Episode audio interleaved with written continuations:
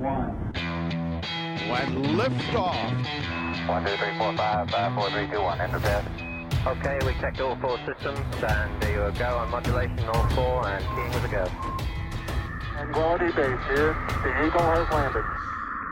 Du åpner døra, det er et røykfylt lokale med litt sånn småbrisende folk som lukter litt svette.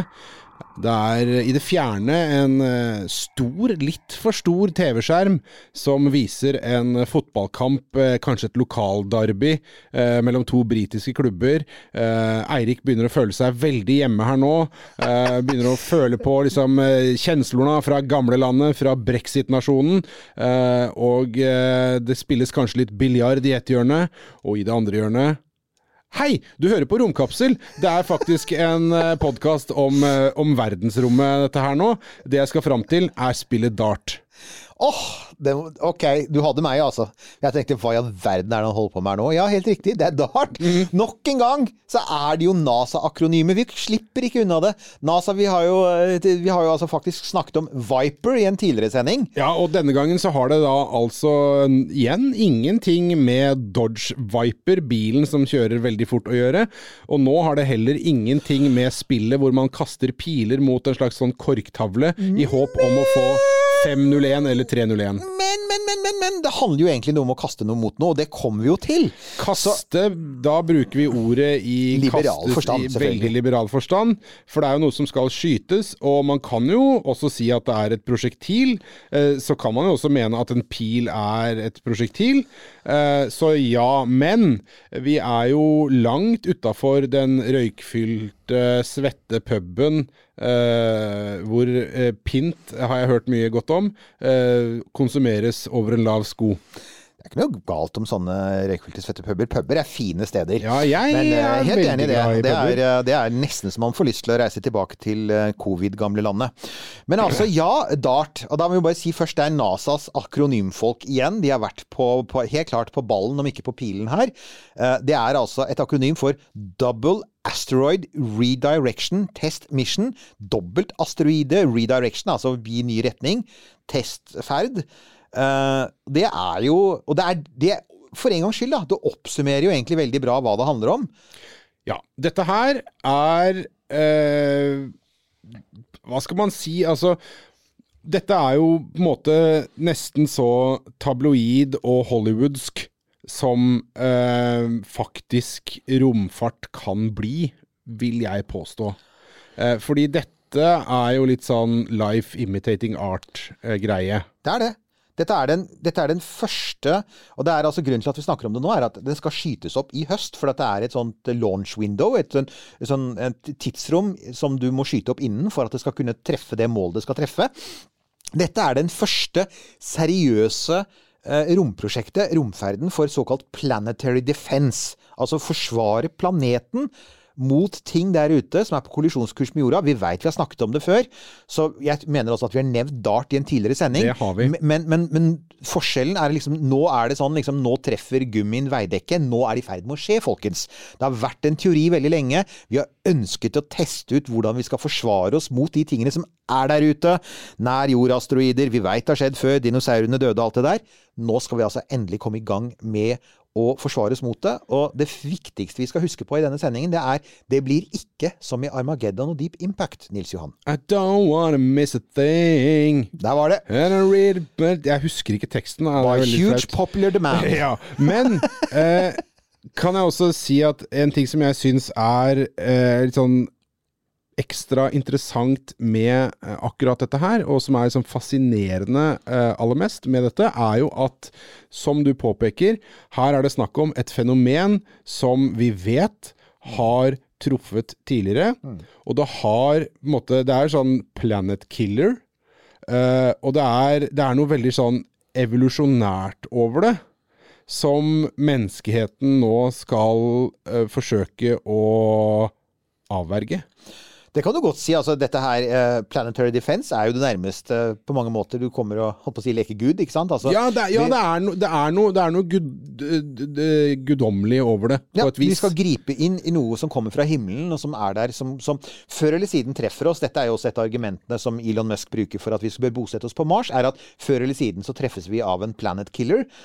Og det har han fullstendig rett i. Det kommer jo til å skje før eller siden. Eh, og, og, og når vi har sett på dette tidligere, da, f.eks. i disse filmene jeg nevnte, Armageddon og Deep Impact, for øvrig, hvilken foretrekker du? Altså Bruce eller Morgan, for å si det sånn? Det Eh, vet du hva? Eh, la meg få snakke ut nå, for jeg vet hva du foretrekker. Eh, jeg eh, må si Armageddon, men fordi eh, ene og alene fordi Megan Fox, er ikke hun med der? Nei, det er hun Liv Tyler. Liv Tyler er det! Ja, ok. Dattera til Steven Tyler. Sånn var det, ja. Det er en grunn til at Aerosmith har den I Don't Wanna Miss a Thing-låta. Det er far og datter-prosjekt, vet du. ja. Det er det det er, ja. Eh, nei, men grunnen til det er at det er eh, Den husker jeg bedre, for den har jeg nok sett flere ganger enn eh, Deep Impact. Ja. Eh, og for jeg har på min sånn uh, dårlige samvittighetsliste, så har jeg overfor deg, eh, Eirik, så har jeg to filmer. Mhm. Og det er Deep Impact, og så er det Contact. Det er de to filmene jeg må se opp, opp igjen på Ja. måte for, å, for å gjøre meg opp en helt klar, tydelig mening eh, hva jeg syns. Hvis det er noe som truer denne podkastens fremtid, så er det eh, hva du kommer til å si om de to filmene. Men altså, her er jo saken. Begge de filmene har én ting til felles, og det er um, Det er jo den strategien de viser. For altså, det handler jo om ting på vei mot jorda. Asteroide slash kobet, litt avhengig av hvordan du ser på det. Og begge to viser på en måte den gamle måten man ønsket å stoppe asteroider og kometer på vei mot jorda med, og det var atombomber. Ja, i Hollywood så er jo gjerne svaret på ting eh, atombombe. Men, men altså, det var ikke bare Hollywood, for det er klart det var basert på litt research. Og lenge så mente man jo at ja, dette måtte være den beste måten å gjøre det på. Og jeg mener å huske også en mann som Carl Sagen, som jo var en smart fyr. Han så nok også på atomvåpen som en, en, en mulig løsning der. Så har jo vi i denne podkastserien, og vi, vi prøver jo å holde oss på et høyt faglig nivå her. Og i en av våre episoder med Sunniva Rose, så var vi jo inne på dette med at i verdensrommet så er ikke atombomber veldig effektive. Og det er fordi at du har ikke noe luft der, og mesteparten av skaden en atombombe gjør på jorda, er faktisk sjokkbølgen som opptrår når eh, all denne voldsomme varmeenergien presser luften til side, og du får en sjokkbølge av luft som raser utover og knuser ting og dreper folk og gjør alt det grusomme. Og så har du selvfølgelig strålingen etterpå, men sjokkbølgen den får du ikke i rommet fordi du ikke har atmosfære. Eh, og det betyr at du må treffe mye mer presist på asteroiden eller kometen med en atombombe em, enn du må på jorda. Du må altså detonere den på, på, på liksom tre grader mikrosekundet. Eller så vil du enten være litt for langt unna, og da har du ikke nok effekt. Eller så splatter den mot overflaten før den detonerer. Så der vil man jo da kunne påstå at eh, Armageddon-metoden ved å bore et hull og slippe bomba ned i hullet, er eh, den mest farbare veien. Den er helt klart den mest farbare veien, men der kommer da den andre siden, som også er problemet med atombombene. Det er at hvis du da sprenger denne steinen, så har du for så vidt fått to biter, men du har jo ikke egentlig veldig god kontroll på hvor de to bitene, bitene flyr, og det er fremdeles to eller flere veldig store biter som kan, om ikke de er planet killers, så kan de fremdeles være country killers eller city killers. Eh, og det er jo er vel faktisk poenget Deep Impact, at en av disse bitene gjør jo Den, den utsletter ikke alt liv på jorda, men den ødelegger jo bl.a. hele østkysten av USA, og sannsynligvis også Europa, selv om ikke de er opptatt av det, for i den filmen var det ikke det. Men altså, det er, det er, så, så det er jo også den manglende kontrollen. Så det er liksom både at du egentlig ikke er sikker på om du treffer ordentlig, men når du treffer, da, eller hvis du treffer, så kan den sprekke opp på måter som ikke du har kontroll på. Det er collateral på. damage der. Det er det, det er en stor sjanse å ta, og det er derfor man de senere årene, for man har altså forsket på det, så er man kommet til at hvis du, altså Atomvåpen er jo fremdeles ikke utelukket, men det er nå bare i tilfelle skulle, noe, et objekt skulle komme mot oss og være så nær oss at ikke vi rekker å gjøre noe annet. Ja. Hvis vi har oppdaget det god tid i forveien, og det stort sett vil vi ha det, for nå har vi begynt å få oversikt over veldig mange Så av disse her snakker vi jo om eh, Dette her er jo forebygging eh, foran eh, på en måte symptompleie. Altså en, på, en, på en måte kan du si det sånn at fordi du veit at eh, Altså det er jo eh, Så du kan enten påvirke den med ganske lite kraft, veldig god tid i forveien, eller du må påvirke den med et kjempesmell rett før den treffer. Og det er klart at da er det mye bedre å kunne gjøre det i god tid i forveien, også i tilfelle noe går galt. Så har du muligheten til å korrigere kursen. Og det er det denne, dette DART-prosjektet er rett og slett det første forsøket vi gjør på å si Anta at vi f.eks. om ti år ser at ok, nå er en asteroide på vei mot jorda, og vi veit at den vil treffe oss i sånn type 2037. Ok, nøyaktig hvor mye kraft må vi sette inn? Hvor mye må vi, hva må vi bombardere den med? Holder det f.eks. å ikke bruke uh, atomvåpen? Holder det med å bruke altså, konvensjonell sprengkraft? Da? Så det er det, man skal, det, det er det man skal gjøre. Rett og slett. Ja, og da kommer vi altså til eh, det som Dette her, her må jo du steppe inn eh, nå. For Ja. eh, vi, skal altså til eh, 65803 Didymos. Ja. Og det er altså Dirimos er, eh, det er jo altså gresk navn på en, eh, en nær jord-asteroide. Den har vært eh, for noen år siden, så i 2003 så var den noen millioner kilometer fra oss. Den har ikke passert veldig nær oss ennå, men den, den er en av disse som på et eller annet tidspunkt kan komme til å passere nær oss. Det som gjør at denne er spesielt velegnet til å teste ut dette på, det er at den Didymos, i likhet med veldig mange sånne jordnære asteroider, ca. en sjettedel, også har en måne. Men før vi går videre, Ja. Mm. la meg bare få lov til å skyte et et spørsmål. Uh, Didymos er bare en uh, testkanin. Den er ikke noe sånn, uh, som du sier Den, den representerer står ikke fare. For. Den representerer Nei, nei. fare. Den er bare, den er bare en, en sånn offergeit. Ja, ja og, og, og faktisk tvert imot. Den er såpass den ses på som såpass Altså, den, den kan potensielt bli det i fremtiden, men der den er nå, så er den såpass trygg at vi kan faktisk mekke med den uten at vi Ja, behøver å uten bekymre oss. trenger at vi gjør det verre. Ikke sant? Ja. Eh, og den er jo ganske Altså, du kan si den er jo ikke, den er ikke av de største. Selve Didymos er ca. 780 meter tvers over, altså trekvart kilometer. Som fremdeles selvfølgelig er mer enn stort nok til å ødelegge mye av økosystemet på jorda hvis den treffer oss. Men det, det som er interessant for DART-prosjektet, det er den lille månen som går rundt den. For den har altså en måne, og den heter da Dimorphos. Uh, og dette igjen greske navn. Uh, og Dimorphos betyr vel et eller annet som forandrer seg, og det er da ikke uten grunn at man er opptatt av det, for man vil forandre en ting. Og, og her er saken. Eh, DART skal, eh, Denne romsonden som, da, som eh, heter DART, den skal rett og slett ta hele vekta si, som er vel rundt 300 kilo. Og så skal den Den har en sånn liten elektrisk motor som drives med xenongass. Og så skal den bare fly ut i et års tid. Skytes opp altså i slutten av november 2021. Og så skal den ca. et år fly så fort den bare kan i retning av Didymos og månen Dimorphos. Og så skal den smashe inn i Dimorphos, altså månen, ikke hovedklumpen, med en fart på 6,6 km i sekundet. Som er 20 000 km i timen. Og den trenger ikke altså, Når du er i den farten, da, så trenger du ikke sprengstoff. For det er så mye Farten i seg selv gir så mye energi når den treffer, at det blir som en eksplosjon. Så Men, men, men jeg, bare her, altså her er det eh, Hva er det du sier? Det- det- Den skal treffe månen. Mm. Altså uh, Dimorfos. Mm. Uh, hvor, hvor stor er uh, den månen? 160 meter. 160 meter. Eh, ok, hva er det vi kan sammenligne? Hva er det som er 160 meter? uh... Ja, det er hva er det, sånn mellomstort skip, liksom. Ja. Ikke sant? Nei, den, er En- en- den, den er- den er litt mindre enn et cruiseskip. Ja. Ja. ja, eller et lite cruiseskip, da. Et lite cruiseskip, ja. Eh, 160 meter.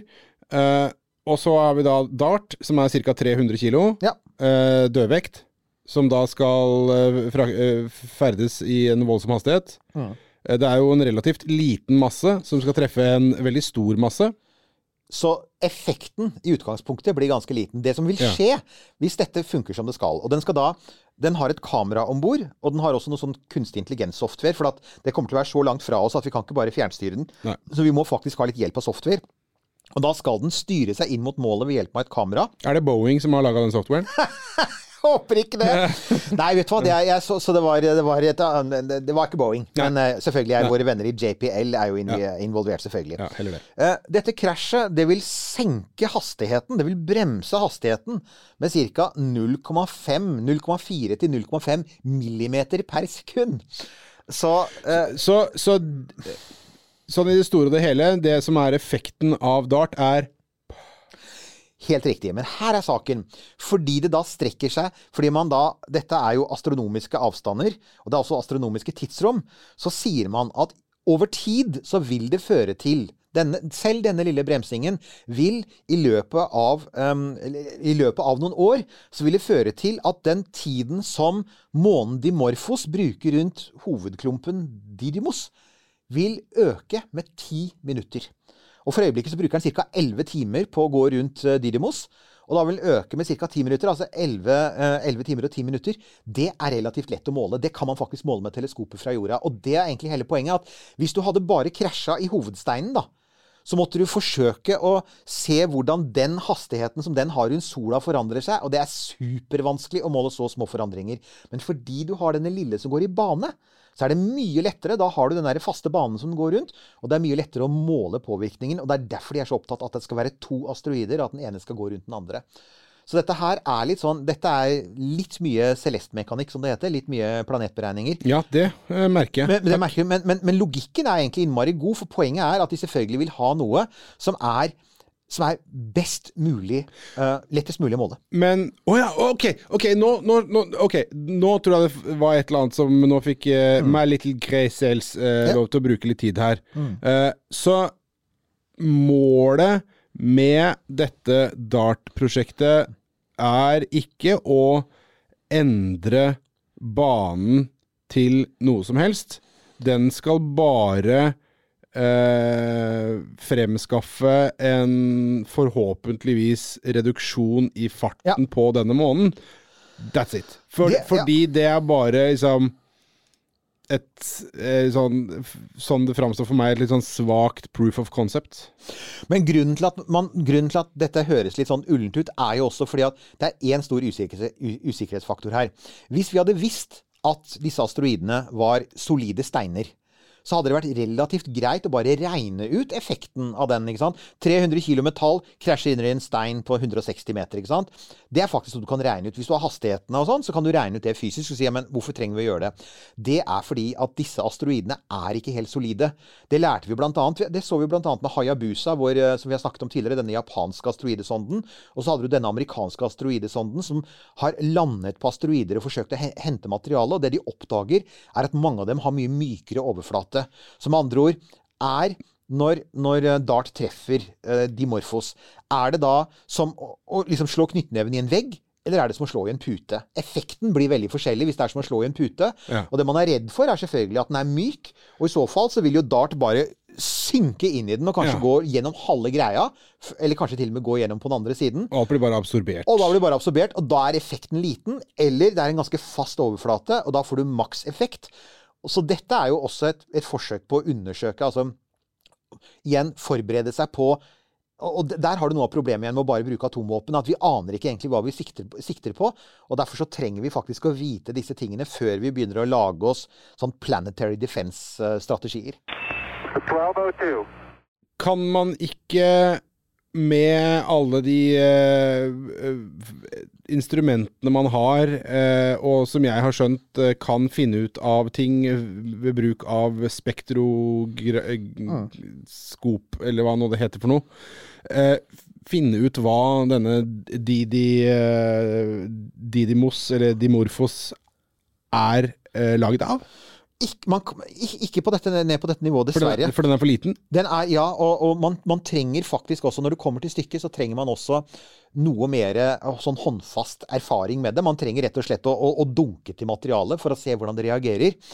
Eh, og en av de tingene, altså Det viser seg jo at Dart skal jo ikke reise helt alene. Dart blir ødelagt idet den krasjer med Dimorphos. Åpenbart. Det gjør den jo, for det, det er et stort smell. Ja. Eh, Men Dart er ikke helt alene på ferden. Det, det følger med, vi, og nå har vi begynt å snakke litt mer om dette, CubeSats, som vi har snakket om, disse her små, kompakte sakene. Det følger med Dart en liten CubeSat, og den er, den er ikke veldig stor. altså. Den måler 30 ganger 20 ganger 10 cm, så den er på størrelse med en skoeske. Den har eh, kameraer, og den har sånn eh, artificial intelligence-programvare som gjør at den skal kunne følge med, ikke bare på Dart, men den skal kunne se eksplosjonen. Så noen dager før Dart treffer Dimorphos, så skal denne lille CubeSaten slippes løs, og så skal den stå på avstand og fotografere eksplosjonen. og forsøke å få med seg og se hva som skjer, og ta så mye bilder som mulig av selve eksplosjonsskyen, og hva om, om det blir et krater etterpå. Den, selvfølgelig, igjen, akronym. Den heter Lysia Cube. med, med C for uh, Licia. Og det er Light Italian CubeSat for Imaging of Asteroids. Dette her er akronymfolket. Jeg veit da søren, de har gått så mye vodka på den festen, men de, de, jeg skulle gjerne vært med på en sånn fest. Kunne ikke den bare hett uh, Space Instagrammer? Ja, for det er det det er. Det er jo Det er det. det det er. Altså, det er litt kult, da, for at det, dette er jo da selvfølgelig Italia, og det vil si at det er samarbeid med ESA og slike ting. Eh, og, og som man påpeker, CubeSats er jo vanligvis småting som går i bane rundt jorda. Eventuelt så har du Cube Rovers, småting som skal kjøre på månen. Eh, her så skal man da ha en CubeSat, og den skal være langt unna. Den skal være ute i deep space, og dessuten i et hostile miljø. fordi at man skal altså faktisk prøve å sprenge en stor del av en liten asteroidemåne. Og da kommer det til å være en svær sky av partikler. Eh, og den kommer til å være 11 millioner kilometer fra jorda når det skjer, som er ganske nær jorda. Det er mye nærmere jorda enn Mars her, men det er fremdeles langt unna. Og denne lille CubeSaten, Lysia Cube, den skal da sende signalene sine direkte til jorda, fordi at Dart kan ikke hjelpe den, for Dart er på Dart det jo Dart er død. Ja. Dart er toast, så, så Dart er dau. Dart er dau. Så ja. Så, så det, det man håper på, og dette folkens, altså eh, neste år omtrent på denne tiden, så, er det, så kan vi forhåpentligvis ha en sending hvor vi oppsummerer hva skjedde med Dart. Åssen gikk det? Så kan vi da referere tilbake til denne. for at Per nå så vet vi ikke. Den skal skytes opp med en, en Falcon 9-rakett nå i slutten av november, er det vel? Eh, 24. syns jeg så 24. ja, sånn 24. november er da launchvinduet åpner, så avhenger litt av været, selvfølgelig. Eh, sannsynligvis går det bra. Falcon 9 er en pålitelig rakett. Men så skal den jo gjennom rommet, og så skal den altså faktisk treffe målet sitt. Og så får vi jo se om, om du får den effekten.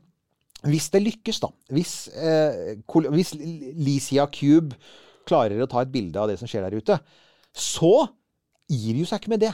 Det, skal, det, det er enda en romsonde som skal dit, faktisk. Men du, bare, før vi kommer til den neste romsonden eh, er, Avhenger suksessen her på om den italienske lille satellitten klarer å ta bilder, eller skal dette her måles fra jorda med noe Det, skal, det er helt utstyr? riktig. Ja. Det er et veldig godt poeng. hastigheten, den, den, den er uavhengig. Altså, og, altså Ja. hvorvidt dette her har hatt noen effekt på hastigheten til Didi Morfos eh, Det vil man oppdage etter hvert. Det vil man oppdage uansett. Ja. um, fra jorda eller Man vil det. annet. man vil det. Så dette her er mer bare for å få en umiddelbar bekreftelse på at de faktisk traff. Ja. Og eventuelt om, om den bare sa blupp og forsvant inn i en stor eh, bløt klump, eller Ja. om du faktisk får en skikkelig eksplosjon, som vil gi et hint om hvor du havner hen. Og det er klart, hvis man da ser men, men uansett hva som skjer, da, hvis det så sant ikke blir totalt miss, så er planen så ESA har allerede lagt planer for å bygge en sonde som heter Hera. Eh, som jo er oppkalt etter uh, Zevs kone. Så, ja. Ja, det er ikke noe akronym. Ne, Jeg vet faktisk ikke veldig godt poeng. Det har jeg ikke sjekket. Er, øh, my bad. Men det, i så fall så er i 2024 så er det da planer om å sende opp Hera, som da skal fly til Didymos og være der i 2027. Og da er meningen å henge litt rundt der. Må, Hei, hei. Hei, Hei, hei. hei. unnskyld. Ja. Hvorfor uh kommer Dart fram på et år, og så bruker Hera tre? Ja, Det er et godt poeng. Antagelig så driver han og gjør noen svinger i frem... Altså, det kommer an på hvor mye penger du er interessert i å legge Ja, i og fly dit direkte. ja, det er og dessuten, versus og så er det selvfølgelig også Didimo sin bane. Ja. Um, men den skal da gjøre Og så lurer jeg på også om den skal innom et par asteroider før det. Men den skal i hvert fall da uh, gjøre presise målinger, da. Den har med seg mye instrumenter. Den er en god del større enn Dart. Og den har med seg masse instrumenter som da skal måle på både Didymos og Dimorphos, begge to. Eh, og det er data som man da kan bruke til eventuelt å lage effektive anti-asteroidevåpen. Igjen, det er planetary defense, ass! Jeg bare kommer ikke helt forbi det. Og så skal den ha med seg Den skal selvfølgelig ha med seg i hvert fall to CubeSats. Det er en Jeg syns vi spotter en trend her. Jeg føler at det er det nye nå. At eh, det er litt sånn eh, På et eller annet tidspunkt så skjønte man at det var lurt å ha med seg lettbåter. Ja. Og det er det samme her nå. det er sånn tenders. det syns jeg er gøy. Jeg bare ser for meg en sånn en CubeSat-T-skjorte eller noe sånt. Ja. Eller en Cube Rover, eller Cube et eller annet. Litt, jeg, tenker, jeg tenker jo uvegelig litt på sånn Minecraft når jeg tenker CubeSats. Ja, ja. Sånn små blokker, for det er det det er. Det er sånne små blokker. Så den skal ha med seg et par CubeSats, og en av dem, da Den har til og med fått et navn, det er så søtt. Den heter Juventas. Jeg vet heller ikke om det er et akronym. Juventas skal faktisk forsøke å lande på Dimorphos, og lande i krateret. Og prøve å gjøre radarmålinger på bakken. Altså, altså, land. altså igjen, Nils Johan. Ja. For en tid vi lever i. Vi snakker for det første om å skyte et prosjektil mot en asteroide. Og for det andre så, sender vi, så skal vi ta bilder av det når det skjer. Ja, og ha liveoverføring. Det er skal, ikke, det er, det, vet du hva, for det har ikke skjedd hvis du ikke tar bilder av det og legger Nei, det ut på SoMe. vi, vi skal instagramme uh, hendelsen. Ja. Og så skal vi for svingende sende en robot dit for å dra ned i krateret og instagramme Altså i krateret som eh, forhåpentligvis da Dart har laga? Ja! ja okay. Det er så kult! Ja, ja, ja. Det er så awesome! Sånn Så- wreckage, eh, sånn uh, fl flight crash investigators Uh, Ja, nei, altså, det er sånn vi, Det det er der jeg av og til tenker jeg, som folk av og til påpeker, vi lever antagelig i Rick og Mortys univers. Det er litt den følelsen man får av og til. Og så kommer vi da til, apropos Planetary Defense. Her, apropos jobber som kunne vært kule å ha. Det, jeg var ikke klar over det, men i løpet av researchen til denne episoden så oppdaget jeg at det fins noe som For NASA er et stort byråkrati, det tror jeg kan være enige om. Ja, Det er mye folk der. Ja. De har altså noe som heter NASA Planetary Defense Coordination Office. PDCO, det er ikke like kult, da. Nei, det var ikke men, så men kult. PDCO de Ja. har et eget kontor for koordinering av planetarisk forsvar. Planetforsvaret. Det høres ut som noe du skulle hatt med i Independence Day. Om man hadde hatt Planetary Defense Coordination Office i Independence Day 1, så hadde vi aldri hatt problem med aliens. vet du hva det heter for noe? Det ser jeg nå. PIDCO. PIDCO. Ja, det er det det heter. ok! PIDCO. Uh, Ok, er det. Men, men, men, altså, men, men moving quickly along. Ja. Ja, uh, ja jeg, jeg hørte det idet det kom ut, at det Ja. også kunne vært noe annet. Men uh, la oss ikke gå der. Eh, men Ja, det er jo er, Vi har jo allerede slått fast at de er nødt til å ha et akronymkontor. Et akronymkontor hvor de Ja. har mye moro. Det, for, det- altså, for det er jo også sånn at hvert eneste det, Vi rekker jo ikke å si det, men hvert eneste instrument om bord i hver eneste av sondene har sitt eget akronym. Mm. Og alle forskerne på de teamene vil også Og der vil si at der er jo altså Norge er med. Rimfax er også et Det er akronym. et akronym, det, ja. Og det er et kjempekult akronym. Så, så vi, vi, altså, vi har jo på et eller annet tidspunkt, når uh, Svein Erik Hamran uh, har tid i sitt travle program, så skal vi ha han tilbake i studio. Det Ja. har vi en avtale om. Eh, Vi har bare ikke helt fått det til ennå. Og, og da eh, kan jo eventuelt stille spørsmål om akronymkontoret. Har han vært på akronymkontoret, eller var det liksom bare noe de fant på i Norge? Bare for å ta det, da. Radar Imager for Mars' Subsurface Experiment. Ja. Det er rimfax. Eh, jeg googla det, Ja. eh, selvfølgelig. Men, eh, men altså, her på Pedco, hvor de, hvor de holder oversikt over ting som er farlige for kloden, så sitter de da og, og, og tracker, ikke sant, forskjellige substanser, holdt jeg på å si, ute i enten det er faste eller flytende, som, som står i fare for å treffe eller komme i nærheten av planeten Jorda. Ja, er, jeg tror, vi, skal, vi skal legge ut en av de mer sånn uh, hårreisende lenkene vi har lagt ut. Uh, det, helt klart denne må ut, og det er Uh, De har noe som heter Asteroid Watch. Og da har de en egen nettside som jeg skal legge ut lenke til, som heter Next Five Approaches. Og det er altså en kontinuerlig oppdatert nettside som viser deg de fem neste objektene som kommer til å passere nær jorda. Og her er saken på den dagen da dette ble tatt opp, som da tilfeldigvis er 7. oktober 2021. Ja. Så er de, har de tre objekter. Ok, Den ene er 2021 TX1. Det er jo, disse er for små til å ha et navn. Dette er en stein på lengde med en buss. Som hvis den traff f.eks. midt i Kristiansand sentrum, så ville Kristiansand sentrum være et interessant reisemål for geologer. ikke sant? Ja, ja. Eh, den passerte 490 000 km unna i dag. Det er altså Spørsmål. Uh, når blir noe ansett som uh, nær jorda-objekt, da? Altså, Den er et nær jorda-objekt. Oh, ja, okay, ja, ok, i høyeste ja, grad. ja. Altså, du, når, du er, når, du er, når du er såpass nær at du er bare 490 000 km fra månen, så kan jeg si at da er, du, altså, da er du allerede i samme område som jordas bane, og da er du et nær jorda-objekt. Så da er du nær jorda. Ja. Uh, så uh, det, det, når denne siden her, den, den har bare nær jorda-objekter. Ja, liksom, okay. ok. den, den andre, uh, 2021 SD2, det er- den var også nylig oppdaget. Den er, bare på, den er på størrelse med en frittliggende enebolig, så den er litt større. Uh, frittliggende enebolig med garasje og hage. Uh, så den, den ville muligens ha gjort sentrum av Bergen til et interessant eh, mål for geologer. Legg merke til at jeg unngår å snakke om Oslo her. Også, den, den passerte 1,3 millioner kilometer unna, så litt mer pusterom. Den tredje, 2015, TQ21. Der er vi tilbake på busser igjen. Kristiansand, se opp, men heldigvis 2,5 millioner kilometer eh, unna. Jeg har ikke noe imot Kristiansand, altså, men det er et sånn passende mål. Og så er det flatt, så det er liksom, hvis den treffer, så, er det, så vil man helt klart få interessante effekter. Okay. Så uansett, poenget er at De er der ute hele tiden, er jo greia. De passerer Ja. nær oss, og, og noen ganger er de veldig nær oss. Det har vi også snakket om før. Og derfor så syns jeg Jeg merker at DART-prosjektet hvis Folk sier sånn igjen Det hender. Det er ikke så ofte de sier det til oss lenger, antagelig, for de veit hva vi holder på med. Men sånn, hva er poenget liksom, med romfart, og hvilken nytteverdi har det? I sommer i forbindelse med Ja, ja, Millionaires, billionaires ja, liksom, billionaires, altså, det ja, Jeff Bezos jo, jo. stunt i sommer, så var det mange som sa det. Hva er poenget? Vel, altså, ja, helt ærlig. Du trenger bare én asteroide for å sette sivilisasjonen tilbake til liksom sånn uh, grønt slimnivå. Uh, det er ganske kostbart. Ja, ja. Da er DART for noen hundre millioner dollar. Det er jo ganske billig. Skytes opp med Falcon 9, som er den billigste raketten på markedet. Er en relativt billig forskning, og relativt nyttig forskning, vil jeg si. Det vil jeg jo være helt enig i. Vanskelig å være uenig i det. Dette er, eh, dette er til dere i tilfelle dere som når vi går inn i snart sånn der julebordsesongen og sånn, og når du havner ved siden av du som hører på Romkapsel, og du havner ved siden av en sånn insisterende person som sier kan vi ikke bruke disse pengene på noe mye bedre, så skal du bare nevne DART, eller Landsat, som vi også snakket om i en tidligere episode, den som kartlegger jorden og redder klima. Men DART kan potensielt redde hele jorda på en mye bedre måte enn Armageddon og Deep Impact. Just saying. Ja, ja, ja. Nei, Hashtag rant over. Ja, ja, nei, jeg, jeg, for all del, jeg kjøper, jeg kjøper den. Ja. Jeg kjøper den. Og jeg ser at det er, at det er nyttig, men jeg um, det, det som fascinerer meg, hvis vi nå skal sirkle tilbake til eh, Dart og den derre bitte lille p som det vil gjøre på Dimorphos, som jeg nå har lest opp til at den heter, Ja. eh, som, er så intenst eh, ingenting, på et vis. Men, men, men vil det da være snakk om at Ok, hvis man da har et objekt eh, som du nevner her, som, som er et nær jorda-objekt, og så ser man at ok, dette her er en bane som ikke ser bra ut for oss, eh, så vil man jo ønske å oppdage det så tidlig Ja. som mulig, når det er så langt unna som mulig.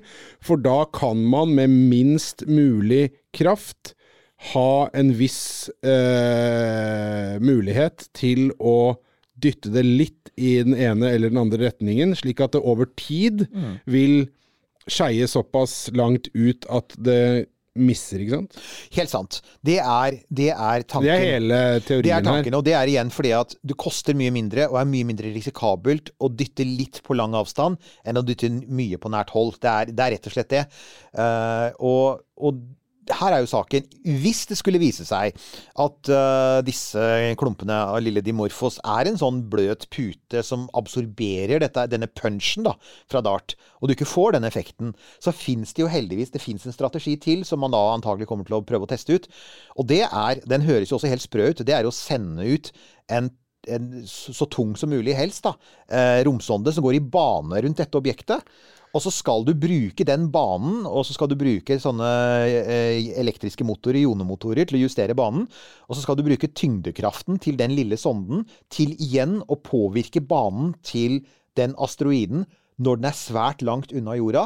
For at selv den bitte lille Sentrifugalkraft, eh, da. Selv den bitte ja. lille kraften du har fra en, en, en satellitt i bane, kan faktisk bety noe der. Det høres igjen Det høres helt rart ut at, at noe så lite skulle bety så mye, men det, det har å gjøre med og det er sånne ting som vi av og til må tenke på at jorda er jo også et bevegelig mål. Og det målet beveger seg veldig fort. Så jorda beveger seg cirka med ca. 30 km i sekundet. Det er altså over 100 000 km i timen. Så med andre ord, hvis du kan forsinke den asteroidens ankomst med noen minutter, da, så bommer den på jorda, ikke sant? Ja. Så det er, det, det er derfor jeg sier at dette er med ti minutter eh, over mange år med denne lille månen. Ja, men Det er kjempeinteressant. En timinutters forandring det er faktisk akkurat det du treffer, trenger hvis den skulle være på vei mot jorda. Ti minutters forsinkelse kan være det som redder jorda. Så, så ja, det, det Veldig små perturbasjoner, men som over veldig lang tid får akkurat den lille effekten du trenger. fordi at når det kommer til stykket, så er jorda tross alt en bitte liten prikk i et veldig stort solsystem som flyr veldig fort. Og det er det som redder oss nesten gang på gang. Og det er det som vil også vil redde oss i en sånn situasjon. er at ja, men Det betyr også at fordi den er så liten og flyr så fort, så betyr det at det skal bare litt grann skyv, så er vi unna. Det eneste som er litt synd med det, er selvfølgelig at den, når denne her um, lille italienske CubeSaten eventuelt tar de bildene, da. Så det er klart, de er jo ikke på langt nær så spektakulære som når Bruce og, og vennene hans eh, driller ned i en komet og plasserer noen nukes der. Det er jo ikke helt Det er ikke, det er ikke like sexy. Det, jeg ser den. Men det, er, men det er jo sånn det gjerne er. Altså, det, som, si, det som redder kloden For det vi er, hver gang sånn, det som redder kloden, vi, det vi har lyst til å se, det er sånn Supermann-ting. Eh, Det som redder kloden, er ofte sånn mange små ting som gjøres over lang tid, og som, som drar oss i riktig retning. Sånn hashtag dagens eh, miljøleksjon over. Ja. Eh, ja, fordi jeg fikk, eh, jeg fikk et sånt bilde av den her asteroiden som skulle Eller denne sonden som skulle snurre rundt. Så fikk jeg et bilde av sånn Supermann som flyr kjempefort rundt jorda for Å, oh, ja, spole, ja, ja, spole tida tilbake. Det var vel Lois Lane som døde, og så skulle han spole tida tilbake som hun ikke gjorde det. Og så. Men det, det ble jo veldig urealistisk. Og det er det jo for så vidt at Bruce Willis eh, med venner skal reise og lande på en asteroide med en månesyk fyr som går bananas med noe mitraljøse og noe greier. Eh, ja, det er spektakulært, men alle skjønner jo at eh, når det kommer til stykket, så vil det eh, ni av ti, jeg, jeg, er villig til også å si ti av ti ganger, ikke være verken uh, Bruce Willis eller Morgan Freeman som redder jordas eksistens. Helt sant. Uh, og eh, det det til sjuende og sist koker ned til, det er jo at, at Igjen, vi lever i en helt fantastisk tid. Altså, Vi lever i en tid hvor vi flyr helikopter på Mars, og vi skal bore etter is på månen. Og vi skal kanskje fly gjenbrukbare romskip alle sammen om noen få år. Og vi jobber nå helt praktisk med Planetary Defense. Så det, var, det er liksom det vi kan ta med oss eh, fra dagens sending, folkens. Nå jobbes det med Planetary Defense. Og de av dere som av og til sender, for det skjer av og til, at dere får sånne meldinger med 'Gjør vi noe med asteroidene?' Vet du, det gjør vi. Nå er NASA er på ballen. De ønsker å gjøre noe med asteroidene. Eh, og det er klart, hvis DART lykkes, da har vi det. Altså Det er viktig å huske på. Hvis det viser seg at de tallene som de får ut i den andre enden, er sånn noenlunde riktige, da har vi faktisk et våpen å sette inn mot asteroider på vei mot jorda, og da kan vi alle sammen sove litt tryggere. Takk for oss, kjære romvenner. Eh, nå håper jeg at du kan eh, lene deg tilbake, hvile deg, ikke lenger være redd for asteroidene når du skal lukke øynene om kvelden. Og hvis du er riktig takknemlig og, og føler at det har gitt deg god nattesøvn, så kan du eventuelt stikke innom VIPS. Og søke opp eh, Romkapsel, Newt og Halvorsen. Og hvis du også er litt frøsen på natta, så eh, kan du sove i en eh, T-skjorte med vår romkapsellogo på. Eller en med den gøyale eh, designet vårt, eh, What Would Werner von Braun Do? Du finner ut hvordan du gjør det på romkapsel.no. Ikke sover altså, men kjøper en slik T-skjorte. Og som vanlig så er vi på, på Facebook, vi er på Twitter, og, og butikken vår finner du på romkapsel.no. Og Bare en sånn liten påminnelse til slutt. Det, du nevnte at det er litt kjølig. Det nærmer seg jul, så bare husk på det igjen. Det er eh, Vær tidlig ute hvis du har lyst til Hvis det er noen i livet ditt du føler eh, trenger Werner von Braun, Braun på brystet, så er det Vi har det. And I don't wanna miss a thing, even when I close my eyes. Jeg skal søke opp teksten til neste gang. Ha det!